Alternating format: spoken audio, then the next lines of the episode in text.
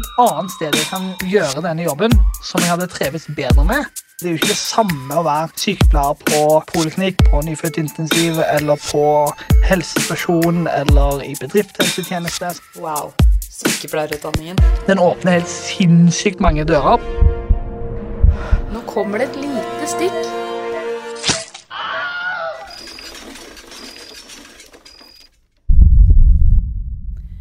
God tirsdag og velkommen til en ny episode av Hjelp, jeg er sykepleier. Dagens gjest er ikke en hvilken som helst sykepleier.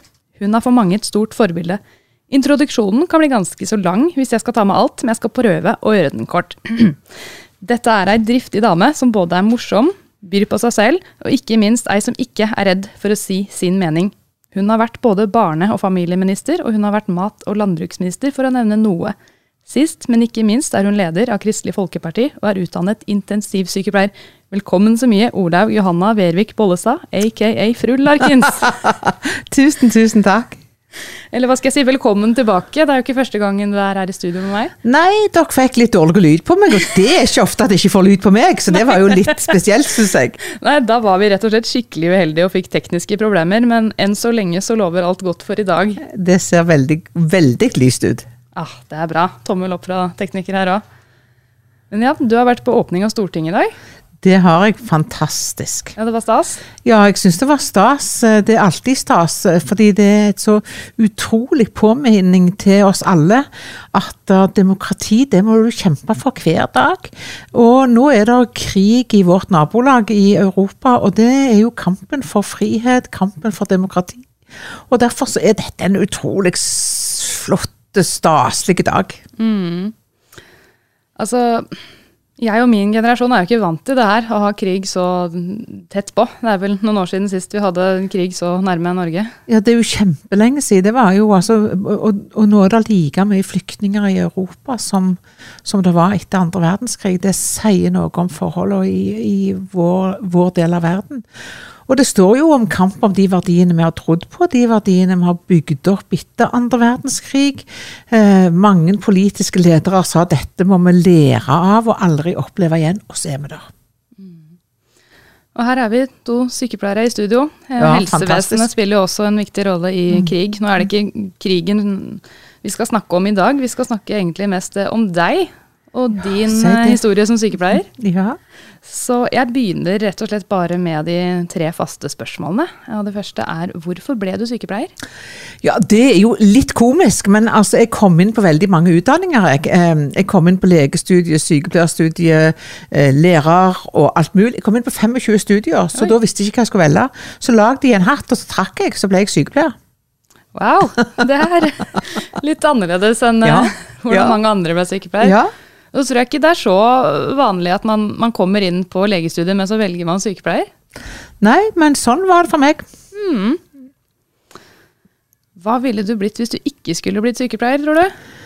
Nei, altså vet du, for nå, nå, har det blitt en så integrert del av livet mitt. Jeg er så takknemlig for at jeg fikk bli sykepleier, og intense sykepleier i tillegg. Altså intensiv sykepleier. Mm. Så, så, for meg så, så tror jeg pille menn at jeg hadde valgt det en gang til.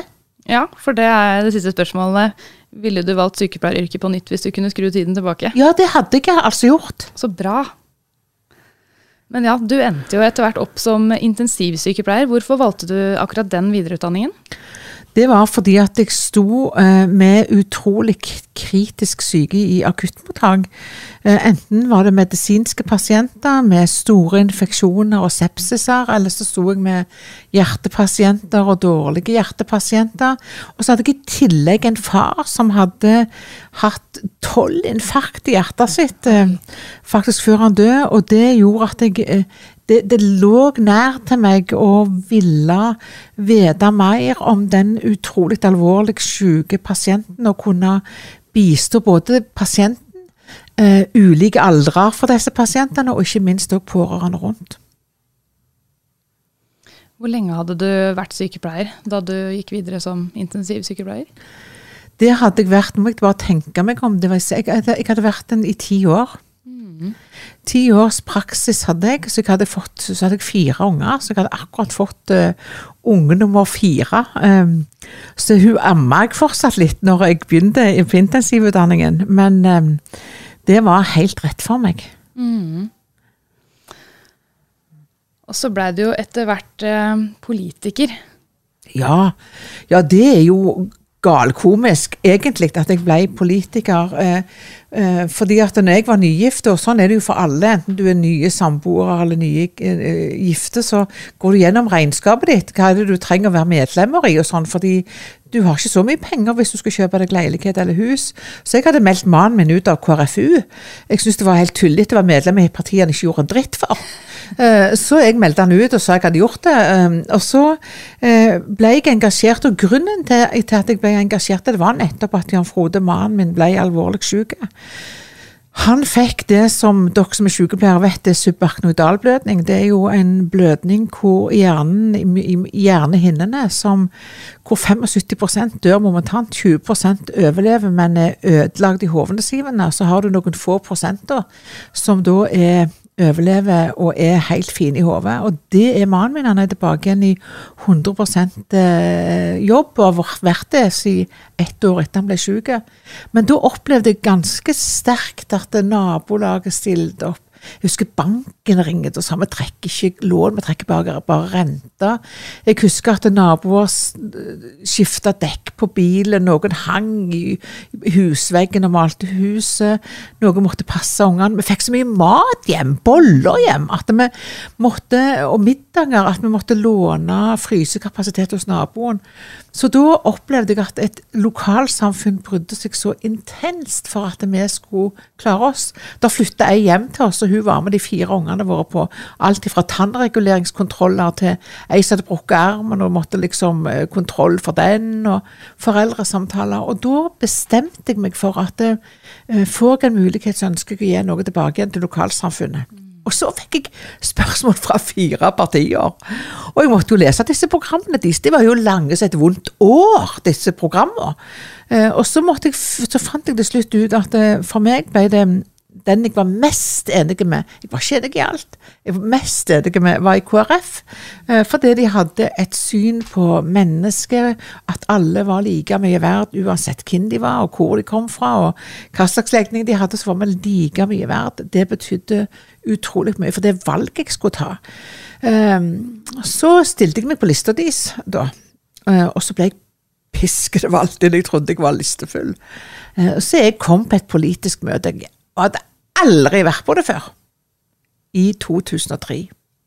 Wow. Det var sånn at du ble headhunt av forskjellige partier? Jeg vet ikke om jeg ble headhunta, men jeg ble iallfall spurt av Høyre, ja. Arbeiderpartiet og Senterpartiet og KrF.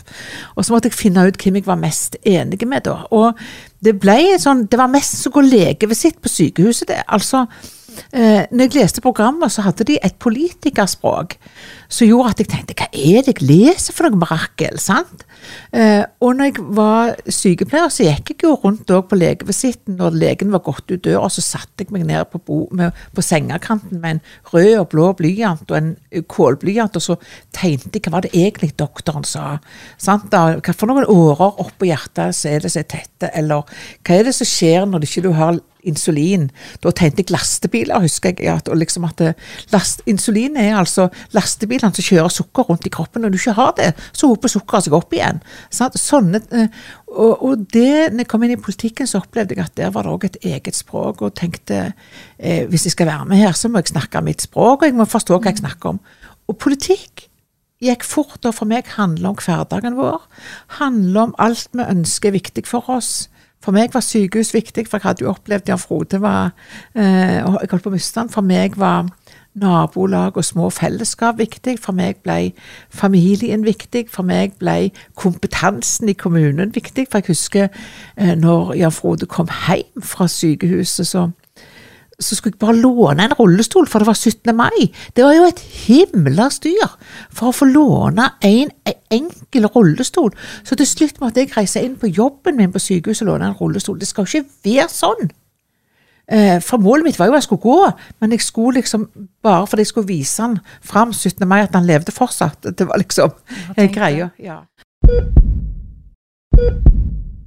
Kan vi gå litt tilbake til da mannen din fikk eh, den hjerneblødningen. Hvordan var det for deg på en måte fra start til slutt å møte med helsevesenet, for da blei jo du plutselig pårørende? Um, jeg, jeg, fant mannen min i barnehagen. Han hadde ringt til meg og sagt Han jobba i barnehagen da? Ja, han er styrer i barnehagen. Det er han fortsatt.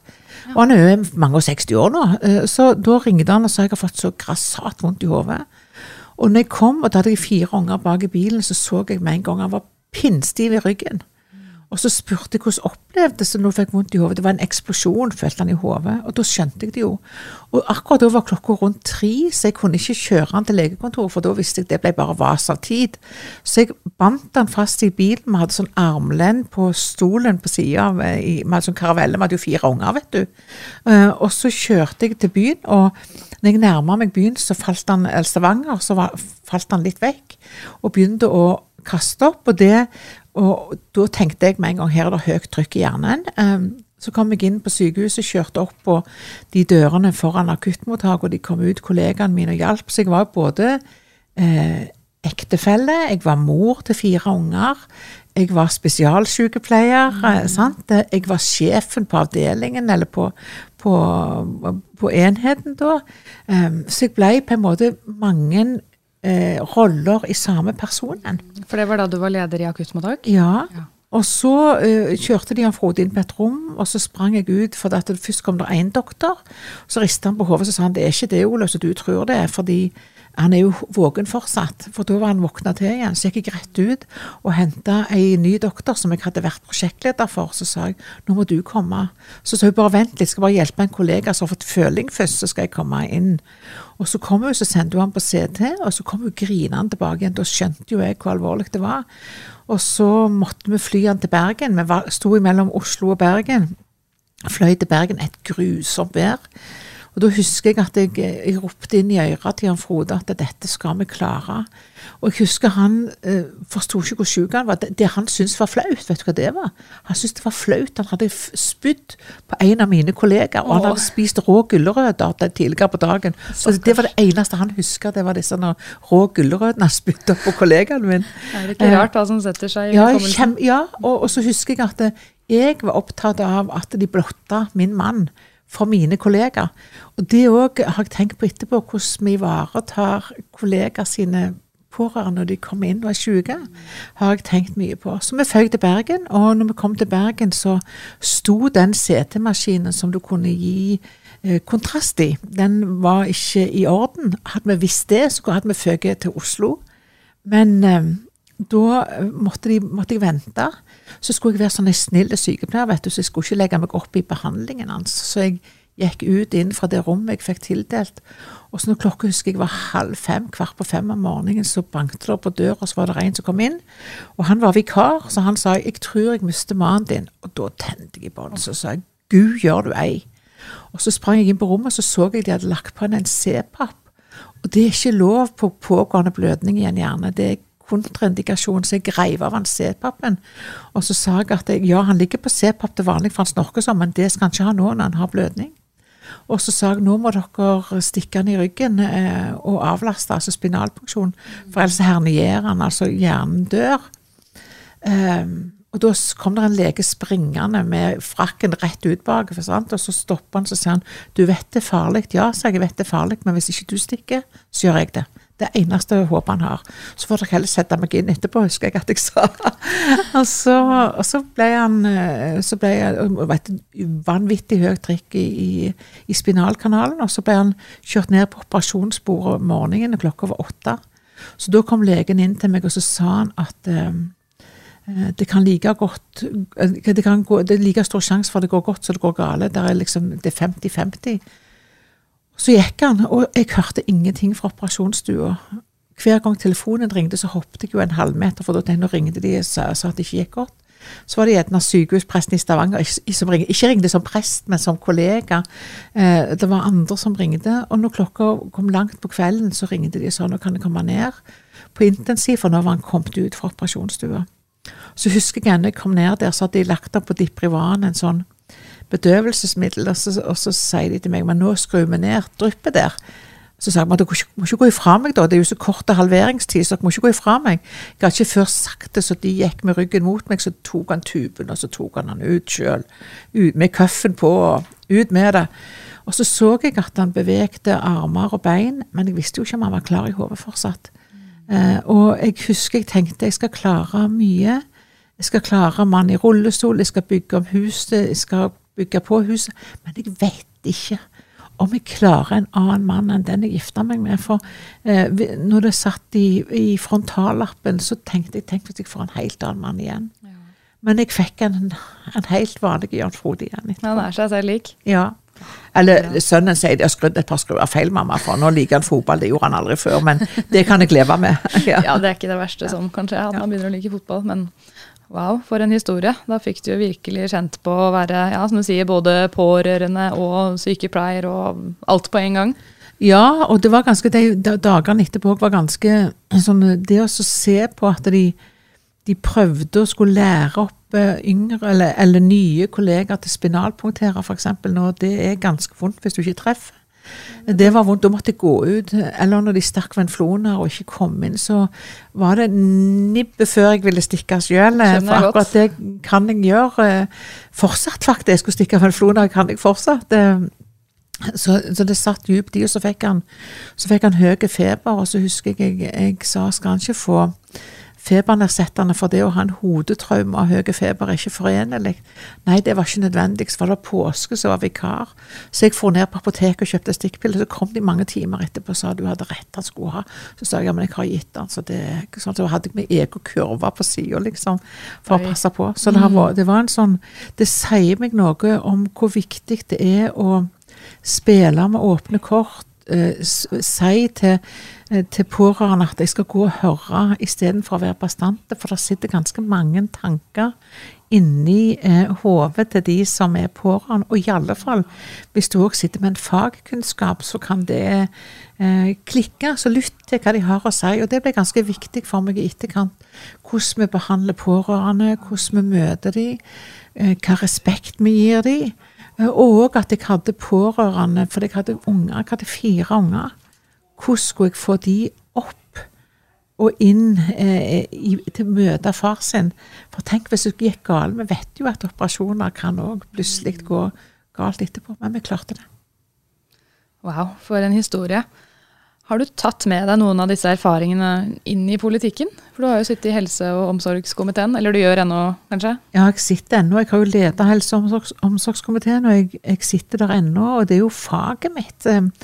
Og jeg er ekstremt opptatt av pårørende, og at det er en helhet rundt, rundt den som er syk. Det, det gjorde jeg òg i akuttmottaket. Jeg har vært og kjørt hjem og henta unger, jeg som har sett søsken dø i krybbedød, f.eks. sånn. Så så jeg, jeg, har vært opptatt av det lenge, men enda mer når jeg opplevde det så sterkt sjøl. Eh, og det å ha tid for spørsmål, og ha tid til å svare på spørsmål. For hvis du ikke får svar på spørsmål, så blir fantasien verre enn virkeligheten. Og det er ei side å ha med seg inn i, i helsekomiteen, at du har pasienter som venter på operasjon, du har pasienter som venter på, på undersøkelser f.eks., men ikke bare pasienten. Det går kanskje noen unger og er bekymra her. Det går en ektefelle eller samboer og er bekymra her. Det er en jobb og kollegaer rundt her. Så det er utrolig mange rundt de som vi har i hendene våre. Eh, og det gjør at, eh, at jeg på en måte har, for egen del utvider dette pasient begrepet. Og så sier jeg til mine kolleger i helsekomiteen vi må stikke fingeren i jorda. Hvordan tror vi dette virker ute, både blant sykepleiere og leger ute i, i feltet, men òg blant familie og venner og pårørende. Men du ble jo med i KrF fordi eh, det matchet mest dine verdier, og du var opptatt av dette med lokalsamfunn. Blei du på en måte medlem i KrF og jobbet som sykepleier på siden, eller hvordan kom det på en måte mer og mer inn som politiker? Ja, sånn, sånn det var. Jeg kom inn i kommunestyret i 2003. Da jobbet jeg som leder på, på PCI og kardiodelen på sykehuset. Hadde bygd opp den med, med å ha vaktordninger, at folk kunne få akutt PCI. Um, det var der de fikk ICD-ene, altså det hjertestarterne. Var dette Stavanger universitetssykehus? Ja, det var på Stavanger universitetssykehus. Og så ble, kom jeg inn i politikken, og det gikk Og jeg hadde jo fire unger på den perioden. Um, og jeg kombinerte dette. Du har rett på fri fra jobben din eh, dager hvor det var møter på dagen. Eh, og jeg hadde egentlig litt godt av å ha en vanlig jobb på sida i begynnelsen for å bli utfordra på noen beslutninger. Eh, og så ble jeg, etter å ha vært lokalpolitiker, jeg tror ikke jeg var et år nesten, så ble jeg noe som heter fylkesstudieleder i fylket. Det var ikke studiet, det var ikke det det var. Det var mer det å bygge opp nå må vi ikke glemme viktige møter. Det å ha en sånn plan for ting. Og det var jeg egentlig ganske god på, fordi jeg hadde hatt ganske mye planer som sykepleier. Jeg kunne dra det med meg inn. Altså når vi hadde f.eks. Eh, eh, traumer i et akuttmottak, så hadde du sykepleier 1, sykepleier 2, eller akuttsykepleier 1, akuttsykepleier Du hadde egne oppgaver som lå til egne titler osv. Så, videre. så det å lage sånne planer, det ble en av de første tingene jeg gjorde i KrF tidlig. Så det å ha sykepleieryrket med meg inn, både på organisasjonssida, men ikke minst også på politikksida, ble viktig for meg. Men etter fire år i kommunestyret, jeg hadde jo aldri vært på et politisk møte, jeg første gangen jeg kom inn i kommunestyret. Skulle si ordfører før jeg begynte å snakke, eller på Stortinget president, må jeg si på Stortinget. Um, så det var jo, Og så skjønner jeg prinsippet nå etterpå. det at du, Ordføreren er jo på en måte tillitsvalgt. Så skal du snakke på vegne av folk, og da skal, skal, du snakke til den som er hovedtillitsvalgt. på en måte. Det kjenner jo du igjen fra ja, sykepleien. sant? Kan, ja. mm. Så jeg fikk bruk for dette. Så ble jeg ordfører da, etter fire år. Uh, og så ble KrF det største partiet i kommunen. Så det ble liksom en sånn flying start. Mm. Så kom jeg inn i, Og da ble jeg heltidspolitiker. Så da fikk jeg permisjon fra sykehuset. Jeg har jo bilde med permisjon fra sykehuset ennå. Og det er litt herlig, fordi at eh, når du er, er, er, politiker, så kan du på en måte holde på taburettene, for du har ikke noe annet å gå til. Jeg har noe annet å gå til det gjør at eh, når folk ikke vil ha lenger eh, Ole Bollestad, så, så skal jeg gå tilbake igjen til pasientene. Jeg, og jeg kan sikkert resertifiseres og sertifiseres og brukes iallfall til noe, tenker jeg eh, som sykepleier eller sykepleierleder, hvis jeg ikke skulle komme inn igjen på Stortinget. Men jeg tror nok at det norske folk fortsatt vil ha Olaug Bollestad i politikken. ja, det kan du si.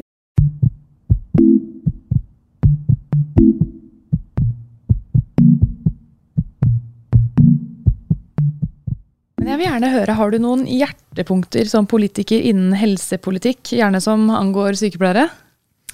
Ja, For det første så er jeg opptatt av at um, vi sykepleiere vi skal være gode å møte. For de som møter oss, de er i ei krise. Uh, så uh, hvis jeg skal ta det først, så er jeg utrolig opptatt av at uh, både vi skal kunne faget vårt, vi skal kunne systemene våre. Det høres ut som jeg er en forferdelig leder, men jeg er ikke det. For jeg mener, når jeg var leder, så var det mitt ansvar å passe på at sykepleierne var faglig oppdatert, og at de forsto systemene på sykehuset, sånn at de kunne stille seg foran og hjelpe pasientene på best mulig måte. Så faglighet og nærhet til pasientene er, er, og møtekommelse er, er, viktig for meg. Jeg har til og med flytta noen sekretærer og noen sykepleiere som ikke likte å være i fronten, og heller sette de der de var best. Mm. For vi er ulike eh, personligheter. Så det, det, er det første jeg har lyst til å si. Et annet hjertepunkt er at jeg er så opptatt av at eh, jeg skal få lov til å snakke om sykepleieryrket mitt med stolthet.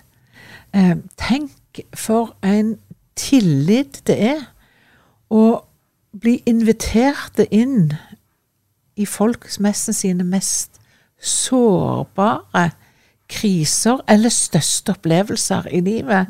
Mm. Um, og at du blir på en måte delaktig i noe som er så spesielt for den det gjelder.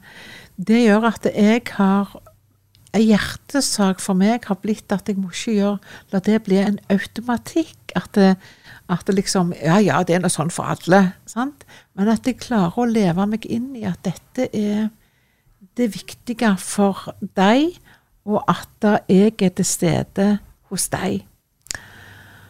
Og til slutt så har jeg lyst til å si at det, det er kanskje den tredje og kanskje den viktigste hjertesaken for meg.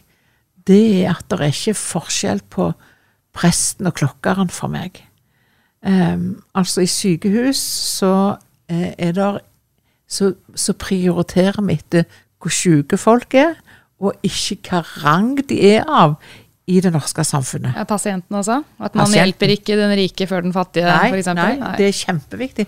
Og jeg har et eksempel på det, for jeg husker ennå jeg var i nattevakt på akuttmottak. Så kom det en farende inn i fine dress, han var høyt i det politiske systemet, så hadde han med seg ei i en rullestol som hadde vrikka en fot på en bankett. Og så klarte jeg ikke å dy meg. Jeg visste godt hvem vedkommende var, men jeg spilte dumme. Så jeg måtte spørre hvem, hvem er egentlig du? Så kommer faren inn bakveien her med denne rullestolgreia. Hva er det du vil? Nei, han hadde denne og denne, og den hadde vrikka en fot. Så sa jeg ja, men her, du skal på poliklinikken, så går ut døra igjen, og så til venstre, så går du inn døra til venstre. For der, her prioriterer vi ikke etter politiske verv eller hvor vi stillinger, men vi prioriterer etter hvor syke de er. Og i dette, denne avdelingen så er de sykeste av de sykeste, så du må gå ut. Og det er ganske viktig for meg i prioriteringer i møte med folk. Det gjelder i livet mitt generelt, men det gjelder i alle fall òg når du står for sykdom og at helsevesenet vårt skal være likt for alle, enten du er den eller den. Det er det jeg syns er så fint med det norske helsevesenet, at her skal det ikke koste noe. Det skal være lik pris for alle, og alle skal få hjelp. Det er ikke sånn amerikanske tilstander at der er det de rike eller de med god forsikring og jobb som får hjelp. Nei, Det er helt riktig. og jeg, jeg, husker jo tilbake igjen, jeg husker de sa til meg en gang, ledelsen i Stavanger på sykehuset, at vi er glad vi har deg, men vi er glad vi har bare én av deg òg, husker jeg de sa til meg. For det, hver jul så, så samarbeider jeg med ambulansesjåførene og portørene på sykehuset, og mine egne kollegaer i, i akuttmottak. og så henta vi inn alle de som ikke hadde fast bopel. Så hadde jeg vært på Frelsesarmeen og fått tak i nye klær, og jeg hadde bestilt masse ny mat til dem. Så bada vi de og klipte de, og så fikk de mat, og så kunne de gå ut i natta igjen. Um, det var en engangsforeteelse hvert år, men for meg var det utrolig viktig at vi som helsevesen òg åpna dørene av og til til verden ut forbi. Uh, fordi det er ikke alle som har noen som en gang kommer på at de skal følge dem til sykehus og få hjelp fra det offentlige helsevesenet. Eh, etter det så har det kommet Varmestuens venner og mange plasser de kan gå, men det gjorde det ikke da. Og for meg så er det òg det å åpne opp eh, helsevesenet og se ut at eh, det er ikke alle, selv om vi har et helsevesen som er åpent for alle, så er det ikke alle som får hjelp til å komme dit. Det synes jeg er så fint at det finnes mer og mer lavterskeltilbud nå, og det finnes eh, lavterskeltilbud også for marginalis marginaliserte grupper, mm. sånn som Prosenteret f.eks. Da trenger du ikke engang å si ditt ekte navn og fødsels- og personnummer. Da kan du si 'jeg vil bruke navnet Dolly Duck'. Ok, så ja. bruker du navnet Dolly Duck, så trenger du ikke å si hva det heter. Og det er så viktig at det har gått framover. Fordi vi, vi, har mange som går under jord. Vi har mange òg i denne byen vi er i nå, altså som, som, er papirløse, så det heter. Så et så forferdelig ord egentlig, som, som, gjør at de ikke har de samme rettighetene, men de kan gå på et eh, helsestasjon som Der er leger og sykepleiere, ikke minst, som jobber gratis for å møte dem. Du snakka også om når det gjelder hjertesaker, da, det med faglighet. Så har det jo vært en artikkel nå i Sykepleien, jeg vet ikke om du har lest den, men da var det noen som foreslo at man skulle nedgradere sykepleierutdanningen, og heller at man kunne ta det via videregående for å løse sykepleierkrisen, da. Men hva tenker du om det? Nei, det er ingen, ingen vei å gå. Eh, sykepleieryrket er et kompetent yrke som du både har en akademisk utdannelse til. Du må skjønne hvordan hjertet virker. Du må skjønne kalsium og kalium og natrium og alt dette. Du må skjønne osmose, du må skjønne hvordan medisiner tas opp. At uh, vegger i, i, i, kroppen vår er ikke helt tette. Det, er, det går forbindelser imellom de. Alt dette må du skjønne hvis du skal gi pasientene dine god hjelp. Det er, eh, det er ikke bare å stelle, men nå mener jo jeg at stell òg er viktig. Sant? For det at du kan hvis du har dårlig sirkulasjon og får feil sår der. Men jeg mener helheten i dette krever at det er en høgskoleutdanning. Det skulle blott bare mangle. Og det har vi jo kjempa for i mange år. ikke sant? Å få dette yrket vårt anerkjent som en egen profesjon. Og fått det til å bli høyskole- og universitetsutdanning nettopp ja. fordi det er så kompleks med disse detaljene du snakker om. Og mm. det fins jo allerede en helseutdanning man kan ta via videregående eller som fagbrev som heter helsefag, helsefagarbeider. Og jeg har tatt begge utdanningene. Jeg må si at det var forskjell på utdanningene. Det var mye vanskeligere å gå sykepleien. Ja, og så mener jeg at dette her blir mer, helsevesenet blir mer og mer komplisert. Vi forstår mer og mer, og vi forsker mer og mer på kroppen vår. Uh, vi forstår sammenhenger med den menneskekroppen og verden rundt at det er noen sammenhenger. Stor forurensning går utover lungene og alvolen i lungene. Dette er så utrolig viktig at vi skjønner, og da trenger du faktisk en universitet- eller høyskoleutdanning. Mm. Uh, som en grunnutdanning. Og så mener jeg jo videre at du får en masterutdanning uh, videre hvis du skal ha andre og mer komplekse utdanninger igjen. Ja, for det, den tanken slo meg. Hvis man skal gjøre sykepleierutdanningen fra en bachelorgrad til fagbrev, da, hvordan skal man da bli operasjonssykepleier eller mm. intensivsykepleier? Er, jeg syns det hørtes ut som å gå baklengs inn i fremtiden. Ja, det syns jeg Det løser ingenting å gå ned på kravet på utdanning eller krav på kompetanse. Dette er kjempekompetansekrevende eh, yrke, og eh, vi trenger de beste Og jeg blir litt gal når vi snakker om de varme hendene. Det er jo ikke Jeg håper jo mest de har kloke hoder, jeg, de som skal behandle meg. Og forstå klokskapen i hvor viktig det er å ta gode valg. Ta de rette beslutningene. gjør ting på rett tidspunkt det er jo det som er det sentrale. Gjør du Jeg husker ennå, som et eksempel, jeg husker far min lå Han døde nå, da, så var det bror min og, og meg som satt der, så sier bror min Gjør jeg en feil i Nordsjøen, så mister vi noen millioner kroner. Sant? Men gjør han en feil med en mikrogram, sant? så kan det få komplekse Eller med døden som utfall. Så dette er kompetent yrke som vi ikke som vi skal ha en, både en høgskole- universitetsutdannelse på, og og ikke minst en masterutdanning på når vi snakker om spesialiteter. Så kommer vi inn på dette med sykepleierkrisen. Hvorfor har vi egentlig en sykepleierkrise i Norge? Har ikke Norge utdanna mange flere sykepleiere enn mange andre land?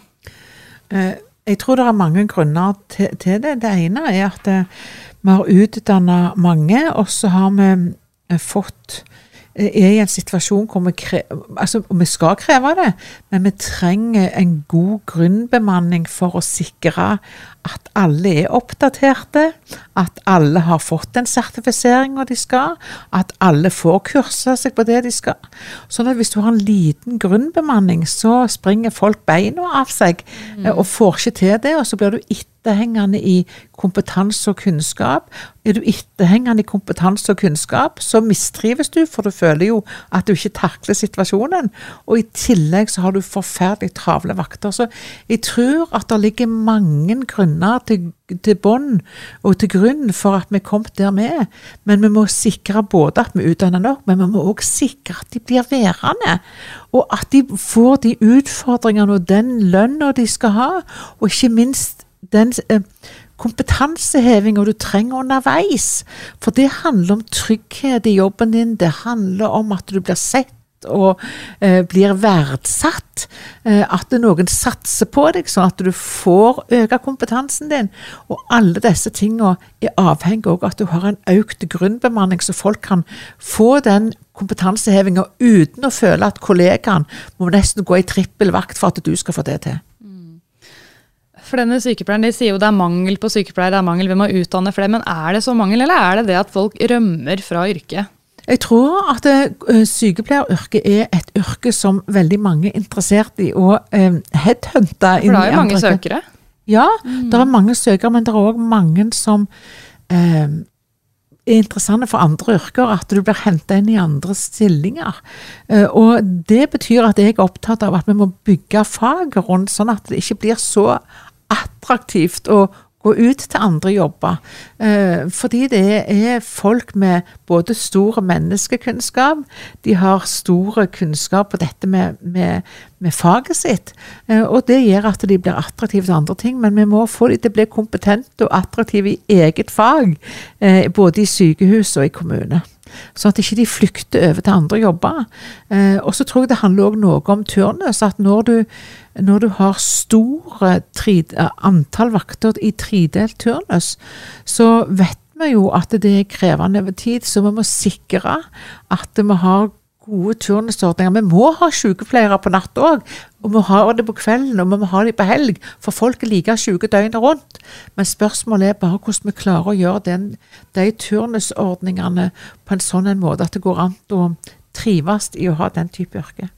Jeg skulle ønske at mange flere arbeidsgivere hadde fokus på det som heter helsefremmende turnus, for nå har det blitt forska en del på altså En ting er nattevakter, det vet vi jo ikke er bra, men noe som ofte kan være verre, det er å gå aftendag, aftendag, det er nesten bannlyst, spør du meg. Ja. fordi at, det, at det, det, er jo utrolig krevende. For når du kommer hjem fra ei aftenvakt med mange tanker i hodet ditt, så, og, adrenalin er jo ofte litt høyt. Og, så har du høy adrenalin, så sover du jo fadersen ikke før mange timer. Og så ligger du og tenker jeg må sove, jeg må sove, for jeg skal opp igjen klokka seks, for jeg skal begynne på jobb igjen klokka sju. Vet du hvordan dette er?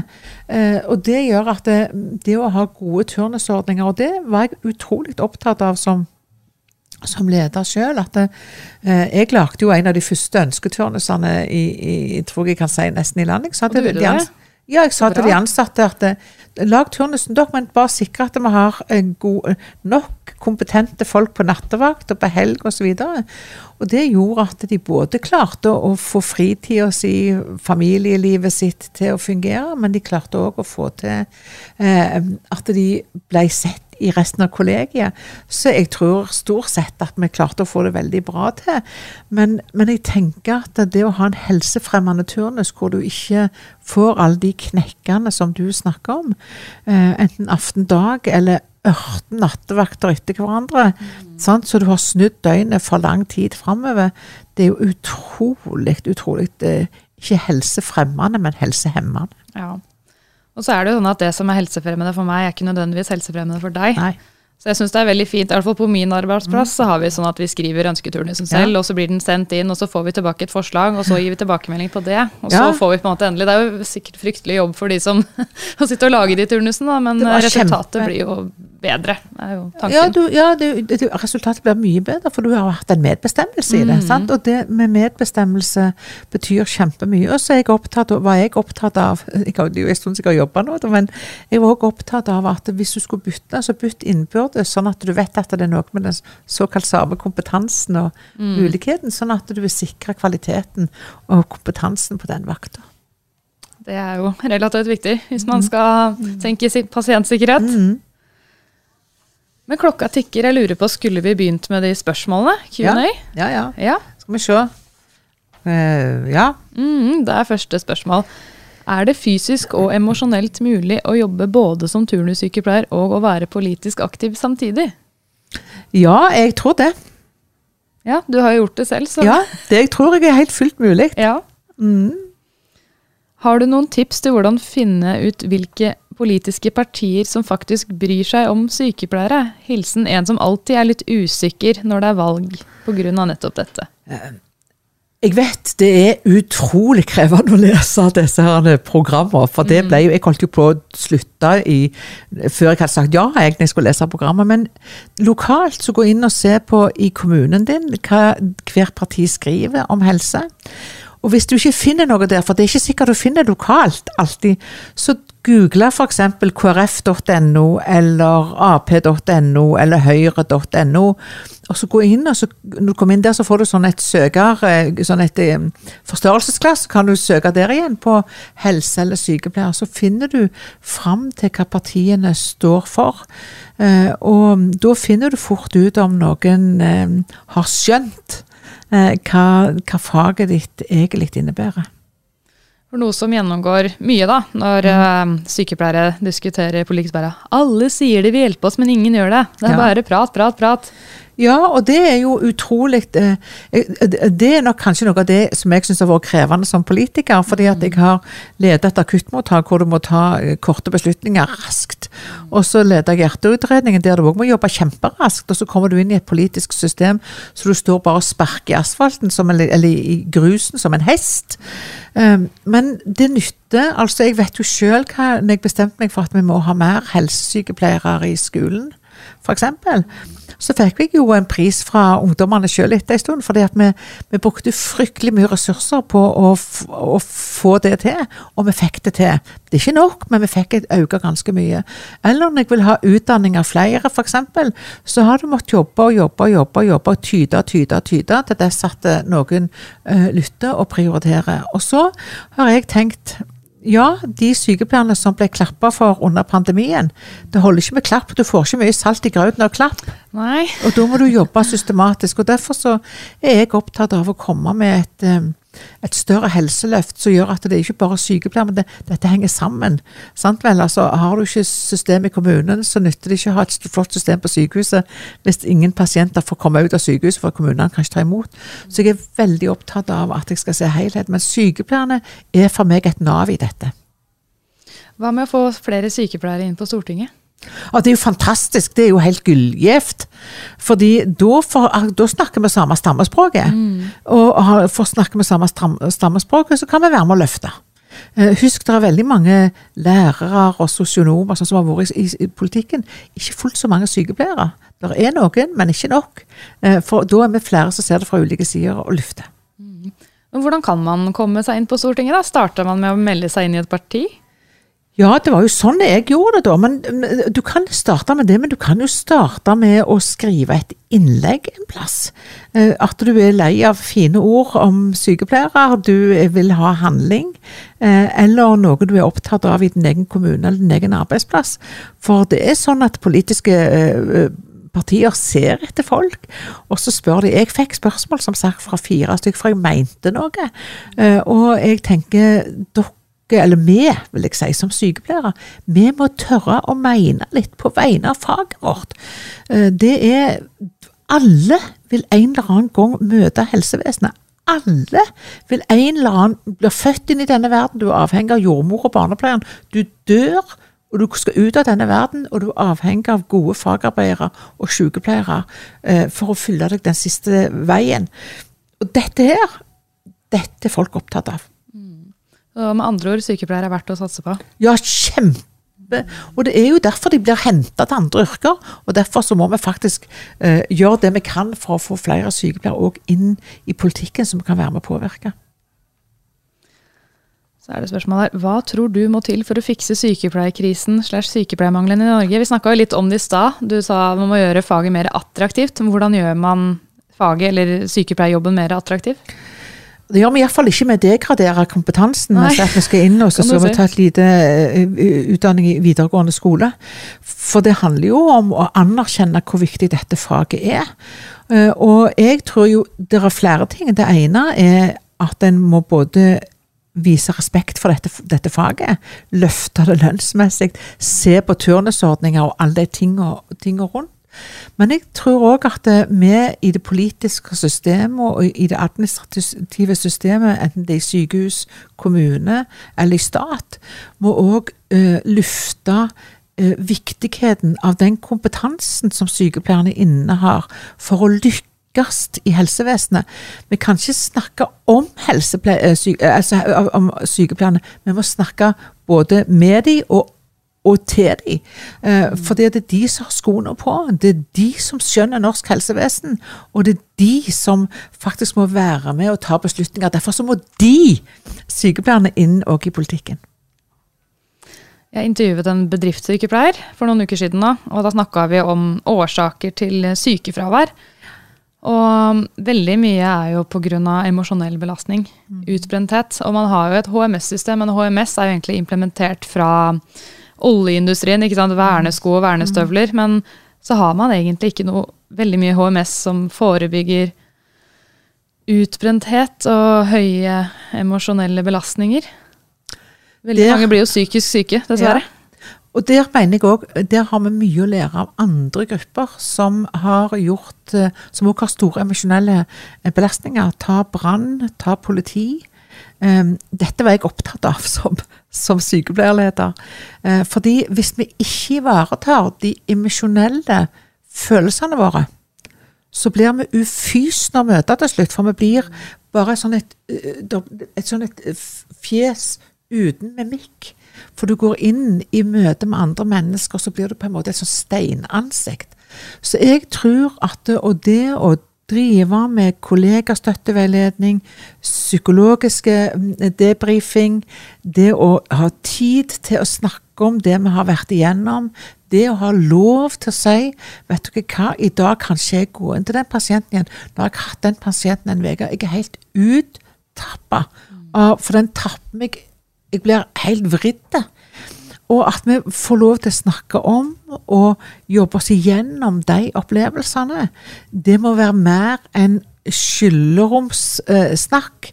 Det må faktisk legges inn i et system så vi sikrer at vi tar de tyngste opplevelsene først, men òg hverdagsopplevelsene sammen med en turnus hvor du har gått kveld, dag, eh, som gjør at følelsene og kroppen din går ikke i hop alle disse tingene må settes inn i et system. Det mener jeg fra sjela mi er òg et ledelsesansvar. Eh, og at ledere må gå inn i denne problemstillingen. Det nytter ikke bare med fine nye maskiner og nye kule prosedyrer. Det handler om folka som jobber og de må tas vare på. Mm. Jeg skulle ønske at det var eh, obligatorisk debrifing på slutten av hver vakt, egentlig.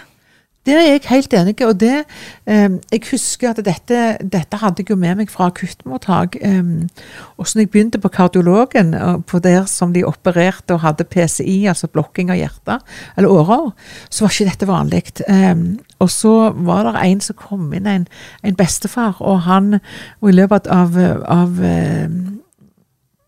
han, han, fikk altså De hadde blokka opp, og så plutselig så får han hjertestans. Og så kom det først et barnebarn, hun hadde begynt på blomstersettingsskole, så hun hadde kommet med en blomsterbukett. Og så kom dattera til han som lå der, og så kom kona. Um, og så sto vi der, og så kom legene inn, og så sa de vi komprimerer og prøver. liksom, er som en svamp hvor masse krittet kom til de små årene og sånn. Og så gikk jeg inn og så så jeg, var det 27 stykker inne på denne laben og holdt på med denne pasienten. Og så sa jeg ja, men før, hvis dere klarer det, så vil jeg at denne jenta med denne blomsterbuketten skal komme inn. Og så etter en stund så kom legen, professoren, ut, og så sa han Olaug, nå tror jeg at det, nå tror jeg det er stabilt, nå kan vi kjøre han på intensiv. Så sa jeg ja, men da skal vi gå inn først med denne jenta og dattera og kona. Så sto alle kollegaene mine da, de så ut som sånne, de hadde jo munnbindet helt opp til øynene, og så hadde de hettene helt Du så bare øynene. Ja. Eh, og så går hun bort til denne bestefaren, denne jenta, så legger hun blomsterbuketten på brystkassen hans. Han var jo intuberte. Og så sier hun 'hei, bestefar'. Åh. Da hadde de komprimert i over en time, og vi trodde han var desiderte. Så sa det bare gunk, så var øynene oppe. Så så han på barnebarnet sitt, og så lukka han øynene igjen. Og så kjørte han på intensiv. Han overlever, og han gikk Cecilom i vinteren etterpå. Han ble altså redda. Eh, og da sier denne legen, for da sa jeg etterpå eh, vi skal ha debrifing. Hva er det for noe tøys? Skal ikke ha noe debrifing her. Så sa jeg jo, du har to jobber. Det ene er at du skal si til den portøren på noen og 20 år som har stått med blyfrakk og komprimert i over en time, at han har vært med å redde pasienten. Og så, skal du, og så kom jeg inn på den debrifingen, for da innførte vi det som system. Og så sa han i dag har jeg lært noe, sa den legen. At den som ligger under disse grønne papirene når vi jobber opprøret, det er noe mer enn en kasus. Det er en far, en bestefar og en ektefelle. Mm. Eh, og det har Olav lært meg i dag. Og du, sa han så pekte han på portøren, du har redda pasienten i dag, sa komprimert. Og jeg så den unge portøren reiste seg opp i skuldrene. Og så ble vi et kollegium som tør å vise litt følelser. Vise, og det er så viktig når vi har hatt sånne opplevelser i løpet av vakt, om de er små eller store, at vi i en vaktovergang legger oss tid til, som du sier, en debrifing. For hvis det ikke så legger det seg på oss, og så ligger det som et sånt trykk, undertrykk, og så kommer det ut i en situasjon det ikke skal komme ut. Mm, og så går det ut over enten de hjemme, eller en uskyldig pasient eller kollega. Mm. Jeg har jobbet både i kommunen og spesialisthelsetjenesten. Og det er bare egentlig det var et sted i rusomsorgen, der hadde de debrifing, men ikke noen av de andre stedene. Jeg tenker Man kan like greit ha det her i hjemmesykepleien mm. og sykehjem sånn på sykehus. Det er veldig lett for meg å sitte og snakke bare sykehus, for det er der jeg jobber mest. men i kommunen nå, de er borti litt av hvert. Det kan jeg bare si. All ja. ære til sykepleiere ute i kommunene. Ja, det er jeg helt enig i. Og det, og det, gjør noe med oss hvis vi bare legger det på og legger det på og legger det på. Da blir vi, som jeg sier, vi blir litt sånn ufysende å møte. Og jeg vil ikke være ufysende å møte. Nei, ikke heller. Jeg er så redd for at jeg skal være den sure sykepleieren mm. som noen møter på, fordi det er uh, Nei. Uff, det vil jeg ikke være. Men jeg tenker lederne gjør ikke jobben sin heller hvis ikke vi legger til rette for det. Så hvis det er noen ledere her som hører på, vær så snill å implementere debrifing på mm. arbeidsplassen. Det er jeg helt enig i.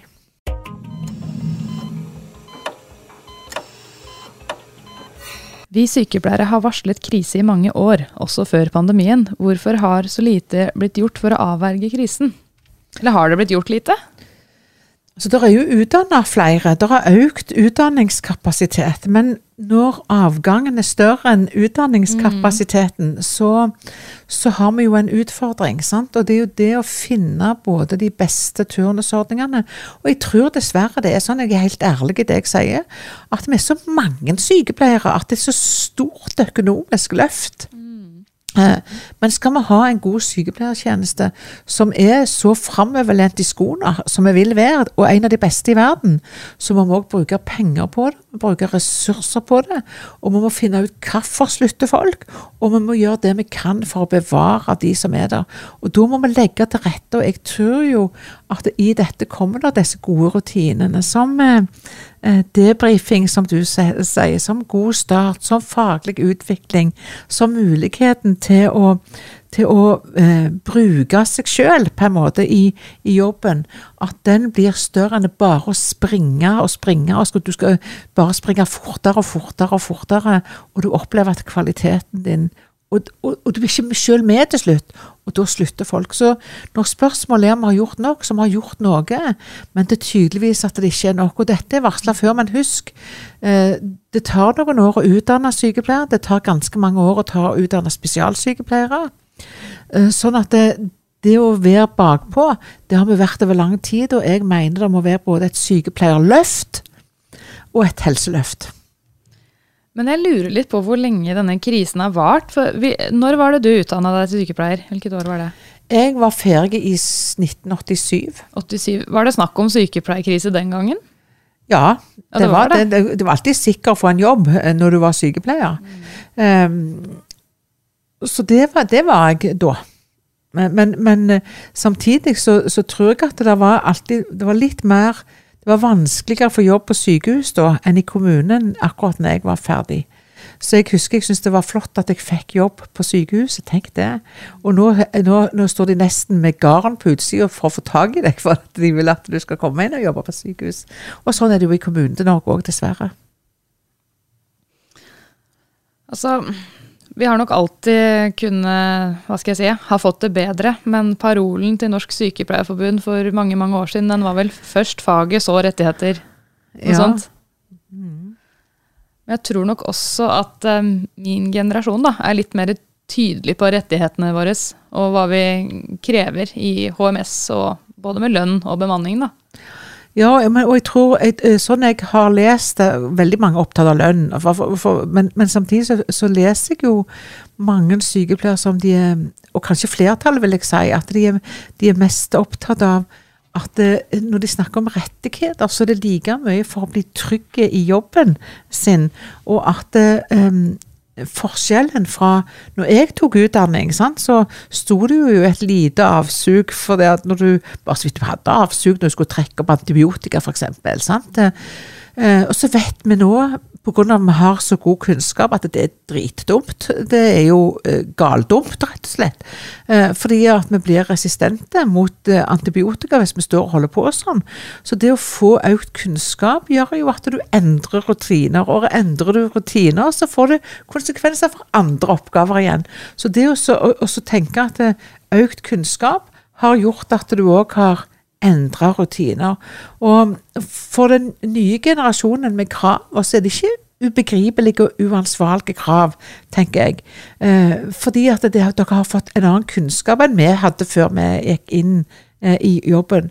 Men når det er sagt, så har jeg lyst til å si at det, selv om vi snakker om alle krav og alle eh, eh, økt lønn osv., eller økt kunnskap, så har jeg en drøm.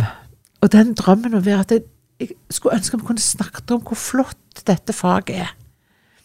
At um, at ikke spiralen går nedover, men den går oppover.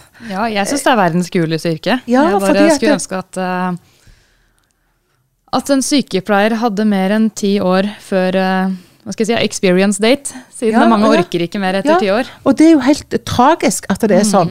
Uh, jeg satt en halv natt for ikke så lenge siden og snakket med ei som sa at hun møtte helt veggen. Uh, og det, da har vi på en måte missa. Uh, og det er derfor jeg er veldig opptatt av at jeg må spille på lag med de som har skoene på. Spille på lag med sykepleierne. Hva er det som brenner først? på en måte? Hva er det vi må gjøre først? Hva vi må gjøre som nummer to og nummer tre? Og det jeg opplever at, det, at sykepleier sier, det er å få en bedre arbeidshverdag med flere folk kommer før lønn. Og så er jo lønn viktig. Jeg, jeg, jeg har ikke lyst til å underkjenne det, for det er det vi lever av.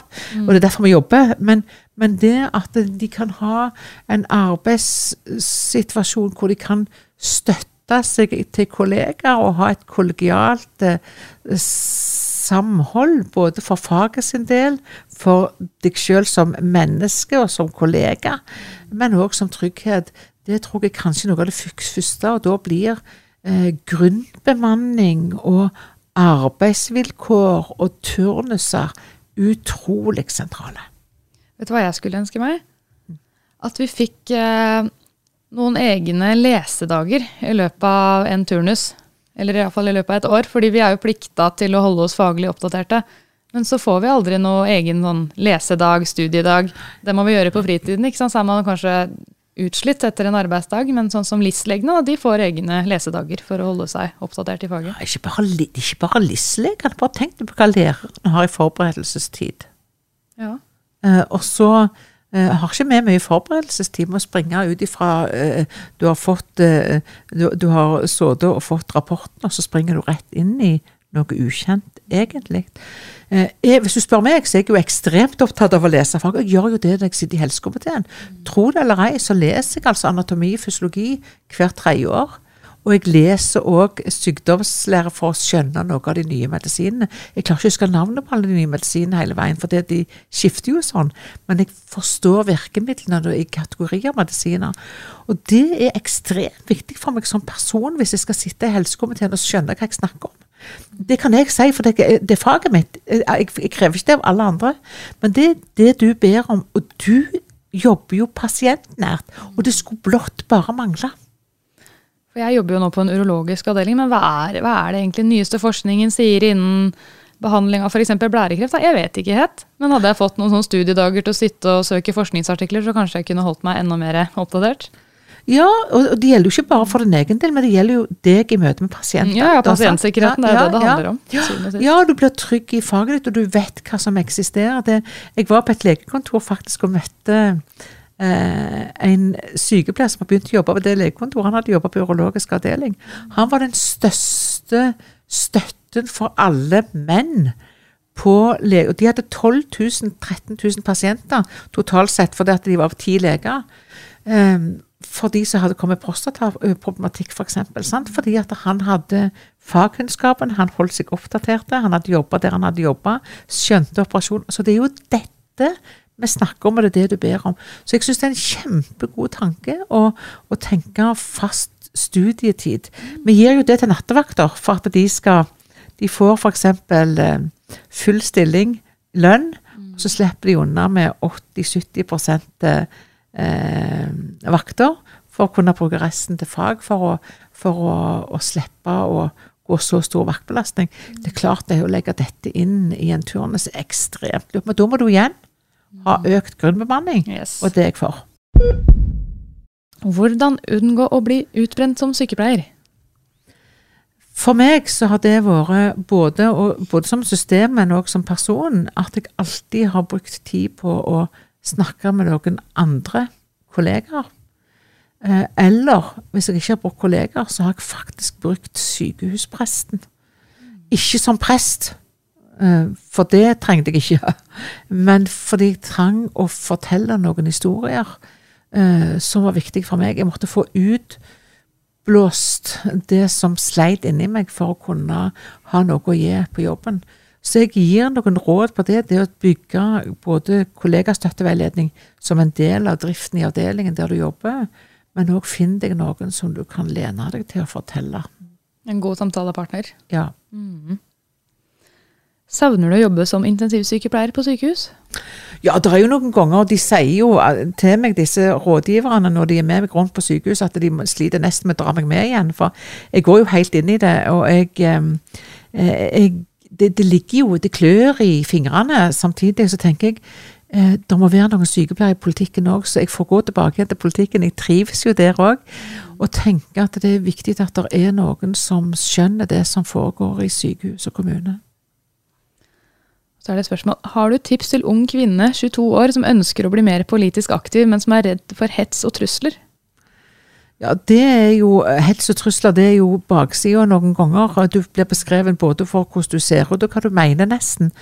Eh, men òg der så tenker jeg, hvis, hvis, vi ikke tør å gjøre det, og det, det kan vi, eh, skal vi oppleve, men, men, det er ikke sånn at du skal oppleve det umenneskelige. For da er det òg rutiner for hvordan vi skal melde ifra det, for det i politikken.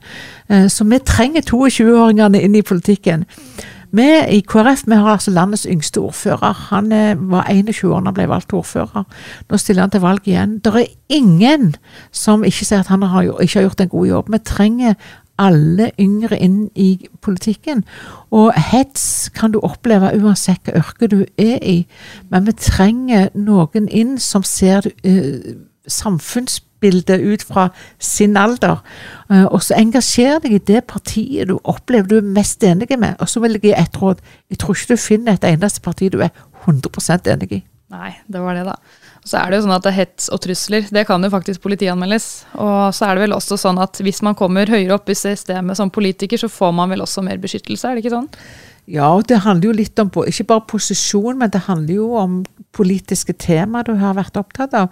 Så klart, jeg, jeg har jo min sikkerhet rundt meg.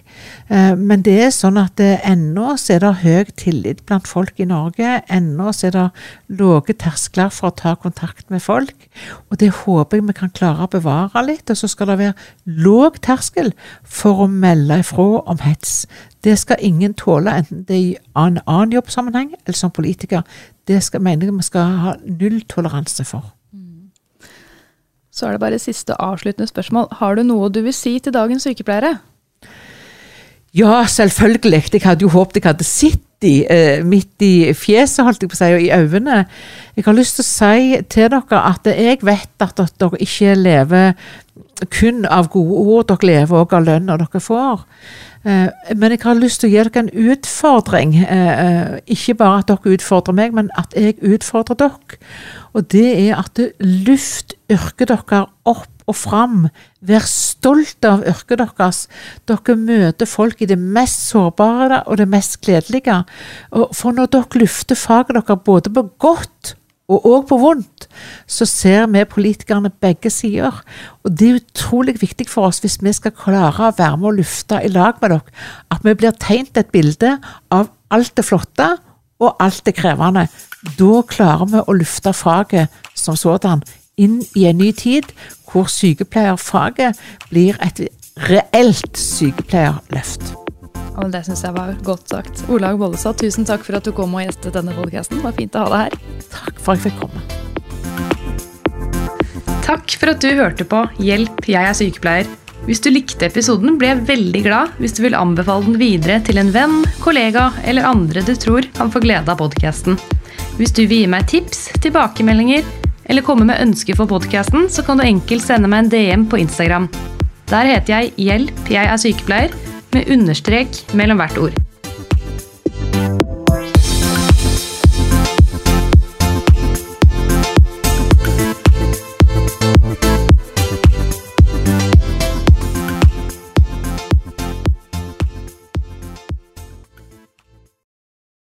Har du et enkeltpersonforetak eller en liten bedrift? Da er du sikkert lei av å høre meg snakke om hvor enkelt det er med kvitteringer og bilag i fiken, så vi eh, gir oss her, vi. Fordi vi liker enkelt. Fiken superenkelt regnskap.